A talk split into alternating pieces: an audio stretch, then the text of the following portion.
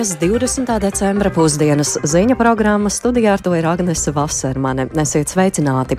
Un tūdaļ plašāk par šādiem tematiem. Valdība šodien lems par divu ministriju reorganizāciju un klimata un enerģētikas ministrijas izveidi. Par to vairāk tiešaidē stāstīs mūsu korespondents. Šodien aprit 300 dienu kopš Krievijas iebrukuma Ukrainā. Krievija zaudējusi jau gandrīz 100 tūkstošus cilvēku.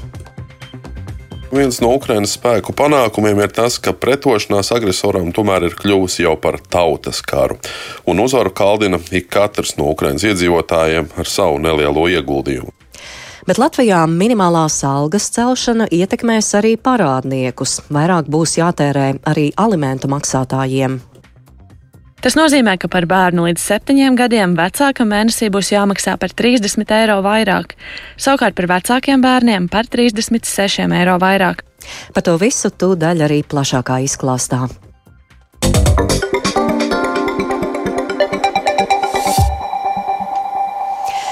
Valdība šīs dienas sēdē lems par ekonomikas ministrijas un vidus aizsardzības un reģionālās attīstības ministrijas reorganizāciju, kā arī jaunas klimata un enerģētikas ministrijas izveidi.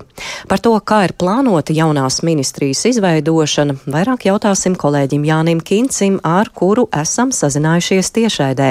Labdien, Jāni! Sveika, Agnēs, sveicināti klausītāji. Eh, kad tad tiks izveidota šī jaunā ministrija, kādas struktūra vienības tajā apvienos?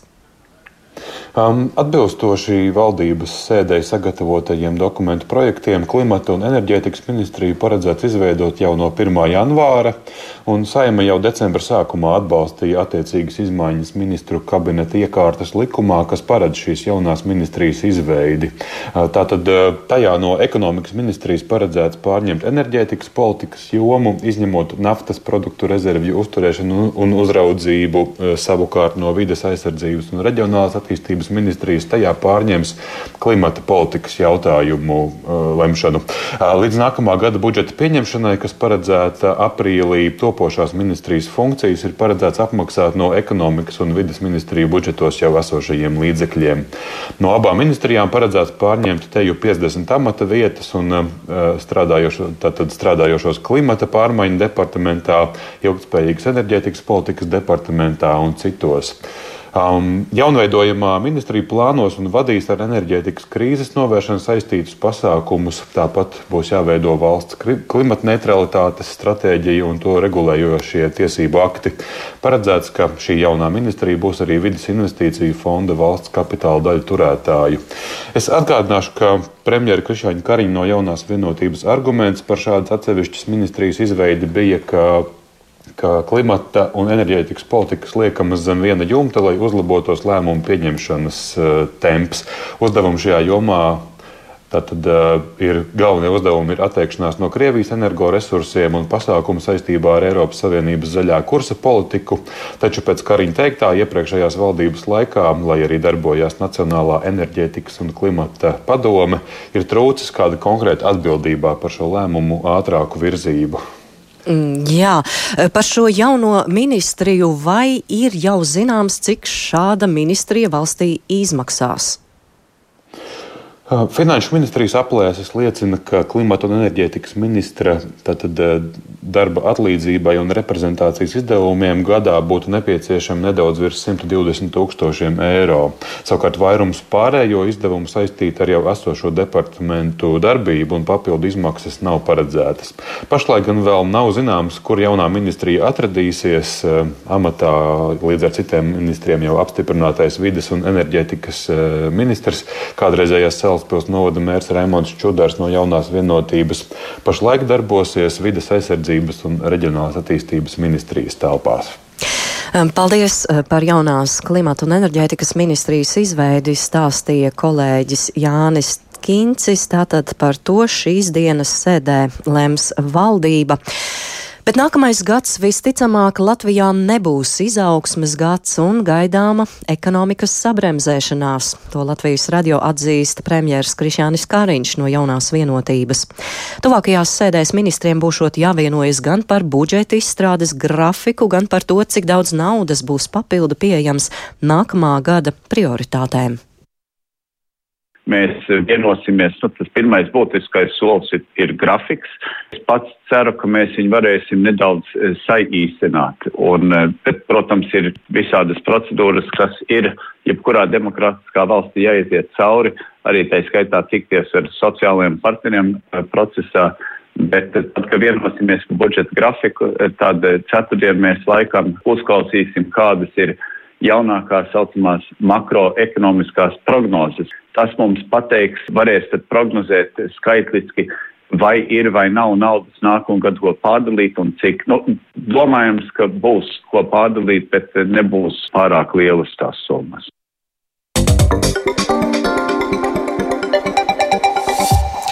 Un turpinām ar aktualitātēm. Šodien aprit 300 dienu kopš Krievija sāka iebrukumu Ukrainā. Kā liecina Ukrainas oficiālie aprēķini, Krievijas iebrucēji šo 300 dienu laikā ir zaudējuši gandrīz 100 tūkstošus cilvēku. Vakar Baltkrievijā bija ieradies Krievijas prezidents Vladimirs Putins, iespējams, lai meklētu savu sabiedroto cīņā pret Ukrainu. Kā, par to, kā beigušās šīs sarunas un ko tās varētu liecināt, par to Uģa Lībija Latvieša sagatavotajā ierakstā.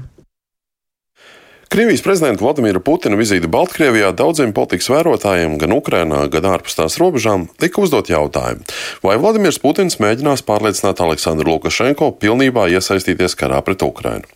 Atbilžu šiem jautājumiem nav, jo arī kopējā preses konferencē, protams, par to netika jautāts. Jā, abu valstu līderi ir sprieduši par drošības jautājumiem, tostarp raķešu piegādēm, militāro sadarbību un pilotu apmācību. ASV Domnīca kara izpētes institūts uzskata, ka šāds iznākums varētu liecināt par to, ka Lukašenko ir atteicies no plašākas iesaistīšanās karā pret Ukrainu apzinoties, ka no šāda lēmuma būtu atkarīga gan viņa paša, gan visa režīma nākotne. Vienlaikus militāra eksperta prognozē, pat ja vienošanās būtu panākta, uzbrukt spējīgas kaujas grupas Baltkrievijā būtu iespējams izveidot vienu, divu, triju mēnešu laikā. Ukrāņu politologi un analītiķi gan ir piesardzīgāki, norādot, ka iespējams lēmumi var būt pieņemti kuluāros un ārpus oficiālās diplomātijas. Uz to norāda Ukrāņu politologs Taras Zagorodnīs. Es neizslēdzu, ka Lukašenko jau atklāti draud, un draud ar to, ka lēmumus var pieņemt arī bez viņa. Es tādus signālus redzēju nesenās Šoigu vizītes laikā. Toreiz viņš atklāti draudēja Lukašenko, divreiz uzsverot, ka ir ieradies Baltkrievijā, lai tiktos ar aizsardzības ministru, bet ar jums iespēja robežās. Ja Baltkrievija tiks ievilkta karā, tad ir skaidrs, ka Ukrainā no Baltkrievijas pirmās ienāks Baltkrievu vienības. Bojā ies Lukašenko lojālākās vienības, un tas nozīmēs, ka viņš vienkārši zaudēs varu. Šāds iespējamais scenārijs nozīmētu arī faktisku Baltkrievijas neatkarības zaudēšanu, lai arī Krievijas prezidents ir atkārtot norādījis, ka arī Savienības valsts ietvaros Krievijai nav vēlms aprīt kādu valsti. Jebkurā gadījumā Ukraiņas spēkiem dažādi iespējamie notikuma attīstības scenāriji ir zināmi un armija tiem esot gatava. Tikmēr pašlaik 1300 km garās fronts karstākais punkts joprojām ir Bahmuta. Lai arī prezidents Volodimirs Zelenskis ir izteicies, ka pašlaik izskatās, ka Krievija tiešām vēlas aiz sevis izdedzināt Ukrainas zemi, pretspārs iebrucējiem tiks turpināts. Turklāt pie Bahmutas sākot lūst arī Krievijas algotņi, ne tikai regulārā armija. Ukrainas politiski tiesisko pētījumu centra direktors Aleksandrs Musijenko uzskata, ka cīņa par Bahmutu Krievijai jau ir kļūsi simboliska. Для Росії взагалі вона розглядає Бахмут наступальні дії з двох позицій. Перша Viņiem Bahmuta jau iegūsi tādu simbolisku jēgu, jo tur ir ciesti milzīgi zaudējumi. Viņi šeit uzbrukumus turpina jau vairākus mēnešus un izskatās, ka atkāpties negrasās. Kā jau teicu, Tam ir simboliska nozīme. Turklāt tas ļautu turpināt darbu pie Donbasa sagrābšanas. Otrakārt, strateģiski ienaidnieks cenšas piesaistīt mūsu spēkus no citiem virzieniem, kuros Ukrainai varētu rasties iespējas pretuzbrukumiem. Ukrainai savukārt ir svarīgi noturēt šo teritoriju, jo tā ir mūsu teritorija, kā arī neļaut ienaidniekam nostiprināties, lai vēlāk tas varētu veikt jaunus uzbrukumus. Ja, Kā uzskata Aleksandrs Musijenko, viens no Ukrainas spēku panākumiem ir tas, ka pretošanās agresoram tomēr ir kļuvusi jau par tautas karu, un uzvaru kaldina ik katrs no Ukrainas iedzīvotājiem ar savu nelielo ieguldījumu, kā arī katrs ārvalstīs dzīvojošais, kurš kaut nelielā veidā cenšas atbalstīt Ukraiņu cīņu. Bet ar to iebrucējs īsti rēķinājies nebija. Uģis Lībijams, Latvijas Radio. Daļa Ukrainas kara bēgļu ir nonākuši arī mūsu valstī, un psihoemocionālā atbalsta piedāvājums Ukrainas iedzīvotājiem Latvijā ir visnotaļ plašs. Kā Latvijas radio atzina atsevišķi speciālisti, Ukraiņi vēršas pie tiem ar dažādiem jautājumiem, kas laika gaitā nedaudz mainās. Lai arī kopējo pieprasījumu un tā izmaiņas nav iespējams prognozēt, uzrunāti atsevišķi pakalpojumu sniedzēji norāda, ka pieprasījums pēc psihoemocionāla atbalsta vērtējams kā stabili mēri mērens. Par to interesējās Kristaps Feldmanis. Mājaslapā propozīcija.lv, kurā apkopoti atbalsta pasākumi Ukrainas iedzīvotājiem Latvijā, lūkojoties pēc psihoemocionāla atbalsta iespējām, atrodams 31 piedāvājums. Tās ir gan dažādas reliģiskas organizācijas, nevalstiskas organizācijas, speciālistu biedrības, individuālas speciālistu prakses un daudz kas cits. Starp atbalsta piedāvātājiem ir arī vairāki specifiski bērniem un jauniešiem domāti atbalsta pakalpojumi. Piemēram, centrā Dārdedze pieejama bezmaksas psiholoģiskā palīdzība Ukraiņu bērniem un pieaugušiem pieaugušajiem pie ukraiņu psihoterapeitas. Dārdedzes valdes locekla Laila Balodi gan skaidro, šobrīd psiholoģi devusies divu mēnešu apmācībās uz Zviedriju, taču no februāra Dārdedzē atsāks šī pakalpojuma sniegšanu. Līdzšinējo pieprasījumu Laila Balode vērtē kā viendabīgi vidēju, to skaidrojot ar to, ka lielai daļai ir grūti saņemties meklēt palīdzību, taču tie, kas to meklē, nāk runāt par ļoti dažādiem tematiem. Tie bija bērni, kuriem bija grūti adaptēties vai nu pirms skolā, vai nu skolā. Tie bija bērni, kuriem bija eh, traumas pazīmes un sekas, piedzīvoti uzlidojumi, piedzīvotā situācija, ka viņi bija spiest mainīt dzīves vietu, ka viņi ir zaudējuši savus mīļos kaimiņus, gan radiniekus, gan dzīvniekus, jau, jo bērni jau to ļoti pārdzīvo diezgan tiešā veidā. Vienā gadījumā centra sociālās rehabilitācijas pakalpojumu saņem arī Ukraiņu meitene, kura cietusi no vardarbības jau mūsu valstī. Tikmēr pusauģu resursu centra klīniskā un veselības psiholoģija Elīna Bārtula stāsta, pusauģu resursu centrs veicis 12 pirmreizējas konsultācijas, kurās izvērtē jauniešu stāvokli, savukārt pastāvīgā sadarbībā uzņemti 17 ukraiņu klienti. Bārtulis stāsta, sākotnēji pie speciālistiem bērni vērsušies ar jautājumiem par karu, taču nu problēmas kļuvušas praktiskākas un vairāk saistītas ar ikdienas dzīvi.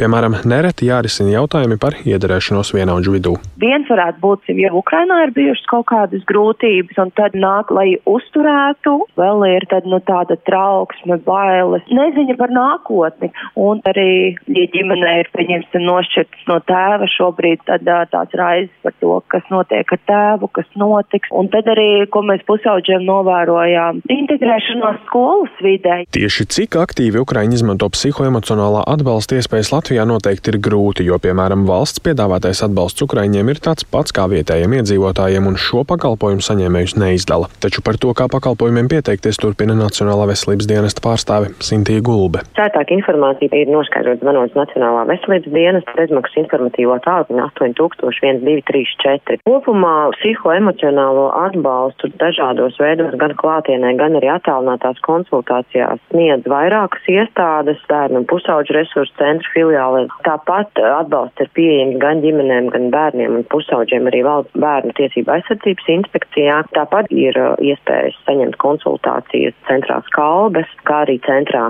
Mārta. Tāpat atbalsts sniedz dažādas Latvijā esošās nevalstiskās organizācijas biedrības. Jāatgādina, meklēt psihoemocionālā atbalsta iespējas Ukrainas iedzīvotājiem iespējams mājaslapā propozīcija, kā arī zvanot Nacionālajiem veselības dienestam. Kristaps Feldmanis, Latvijas radio.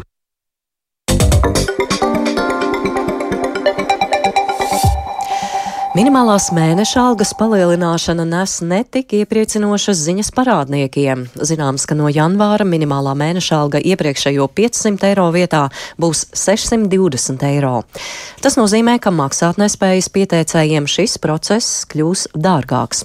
Savukārt uzturlīdzekļu maksātājiem pieaugs arī ikmēneša maksājums. Plašāk par gaidāmajām izmaiņām no janvāra Lindas Spundiņas ierakstā. Minimālās algas pieaugums ietekmēs arī uzturlīdzekļu maksātājus un parādniekus. Palielinoties minimālajai algai, pieaugs arī minimālais uzturlīdzekļu apmērs, kas katram vecākam ir jānodrošina. Tas nozīmē, ka par bērnu līdz septiņiem gadiem vecākam mēnesī būs jāmaksā par 30 eiro vairāk, savukārt par vecākiem bērniem par 36 eiro vairāk. Turpina uzturlīdzekļu garantiju fonda administrācijas juriskonsulte Sintīja Lauska. Bērniem līdz septiņiem gadiem būs jāmaksā 155 eiro un bērniem pēc 7 gadu vecumam tie ir jau 186 eiro. Būtiski tas ir tajos gadījumos, kad ir vecāku vienošanās vai tiesas spriedums, kas tieši nosaka šo uzturlīdzekļu apmēru saistībā ar minimālo algu. Taču no uzturlīdzekļu garantija fonda izmaksājumais uzturlīdzekļu apmērs paliek nemainīgs. Tie joprojām būs 107,50 eiro bērniem līdz 7 gadu vecumam un 129 eiro bērniem no 7 gadu vecuma. Tātad neatkarīgi no izmaiņām valsts par bērniem, kuru vecāki nemaksā alimentus, uzturlīdzekļus maksās kā līdz šim. Sintīna Lauska norāda, ka neskatoties uz ekonomiskās situācijas mainību, kopumā uzturlīdzekļu parādnieku skaits mazinās, kā arī mazinās uzturlīdzekļu pieprasītāju skaits. Tomēr kopumā tas ir liels.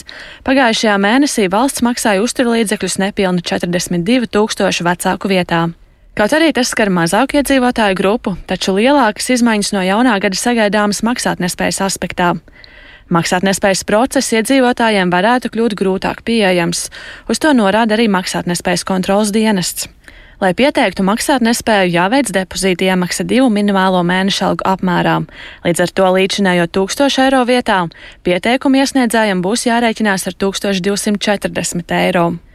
Vēl minimālajai algai piesaistīta ir parāda dzēšanas summa, skaidro maksātnespējas kontrolas dienas juridiskā departamenta direktore Karina Paturska. Ja personai jau ir pasludināts šis maksātnespējas process un norit šī saistību dzēšanas procedūra, kad parādnieks ik mēnesi kreditoriem novirza konkrētu summu, tad šī minimālās algas pacelšana nozīmē, ka Iespējams, ka viņam būs mēnesī jānovirza lielāka summa šiem kreditoriem, jo novirzāmā summa nevar būt mazāka par vienu trešdaļu no valstī noteiktās minimālās mēneša algas.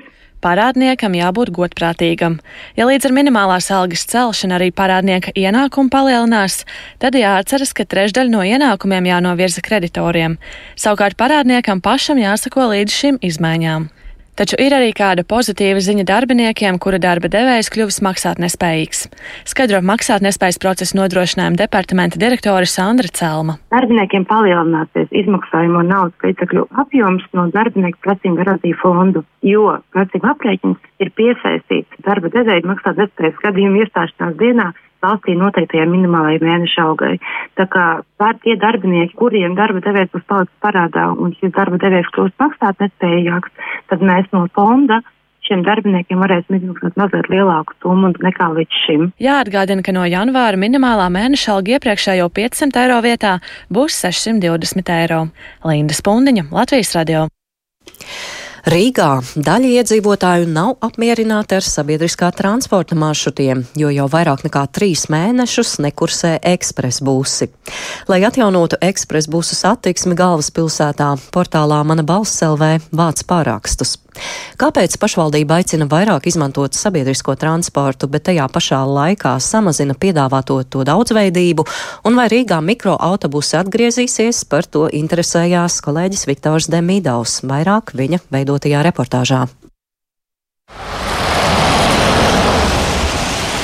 Pieturas septītā līnija ir viena no daudzajām galvaspilsētām, kur agrāk piestāja ne tikai Rīgas satiksmes autobusi, bet arī paaugstināta servisa autobusu maršruti, jeb ekspresbusi, ko gadiem ilgi pašvaldībā nodrošināja nolīgtais apakšuzņēmums Rīgas mikroautobusu satiksme. Septembrī to atzina par maksāt nespējīgu, un kopš tā laika ekspresbusi galvaspilsētā vairs nekursē.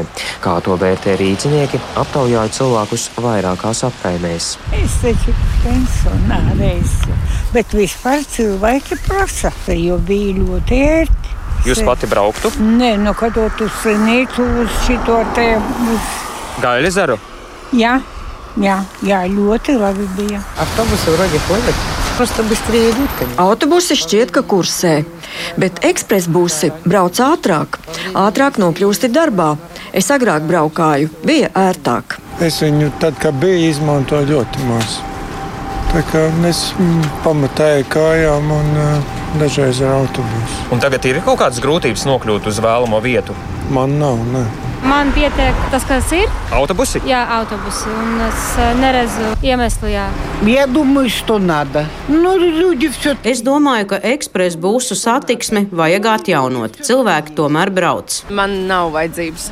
Man pietiek ar to, kas ir. Var nokļūt līdz vēlamajai vietai, jo saulēcīgi. Jā, jā, es varu nokļūt. Izdevīgā cenā. Un...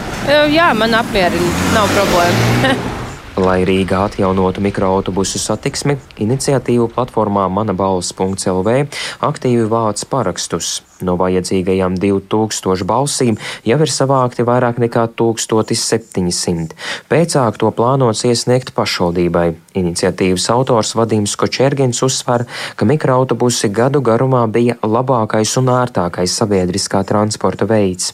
Pēc to likvidēšanas grūtības pārvietoties pa pilsētu izjūt iedzīvotāji no daudzām apkaimēm, piemēram, Bolderājas, Zolitūdas, Pļavniekiem un Juglas. Visiem, kuri lietoja līdz šim minibusi ir jāizmanto autobusi vai taksi vai savu personīgu alternatīvas nav. Ja tu atņem kaut kādu paaugstinātu servisu, nu, lūdzu, dot to pašu, līdzīgu vai kaut ko labāku.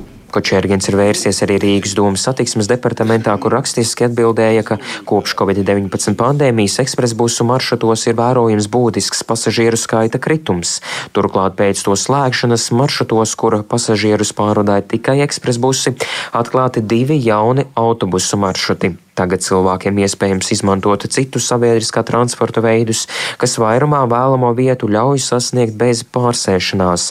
Tāpēc atjaunot ekspresbusu satiksmi pagaidām nesot lietderīgi un racionāli.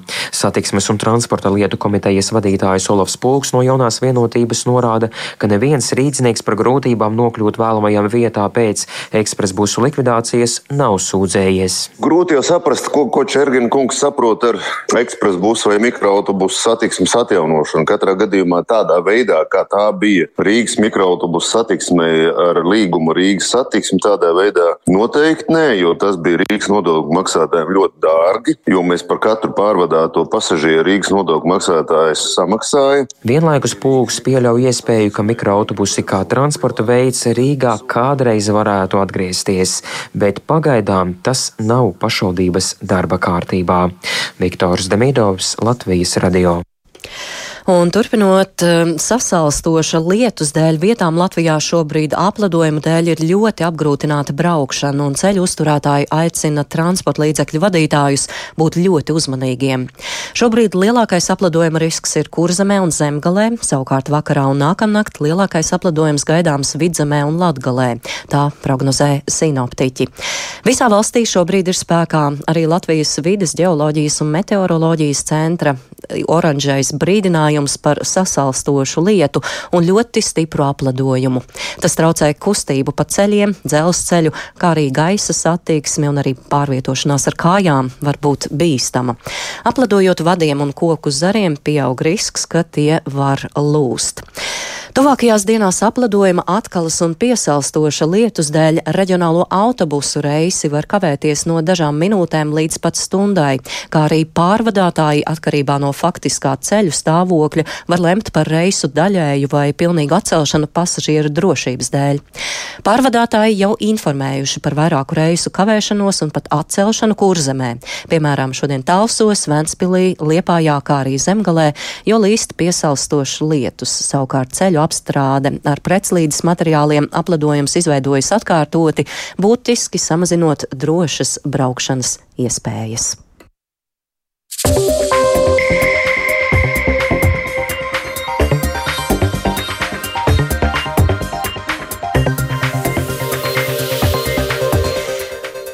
Ar šiem brīdinājumiem arī izskan otrdienas, 20. decembra pusdienas ziņu programma. Producents Edgars Kupčs ierakstus montēja Renārs Šteimanis pie skaņa pults Jāna Dreimane, studijā Agnese Vasermane.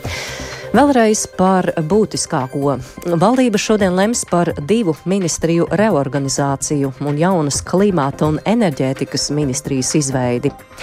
Šodien aprit tieši 300 dienu kopš Krievijas iebrukuma Ukrainā.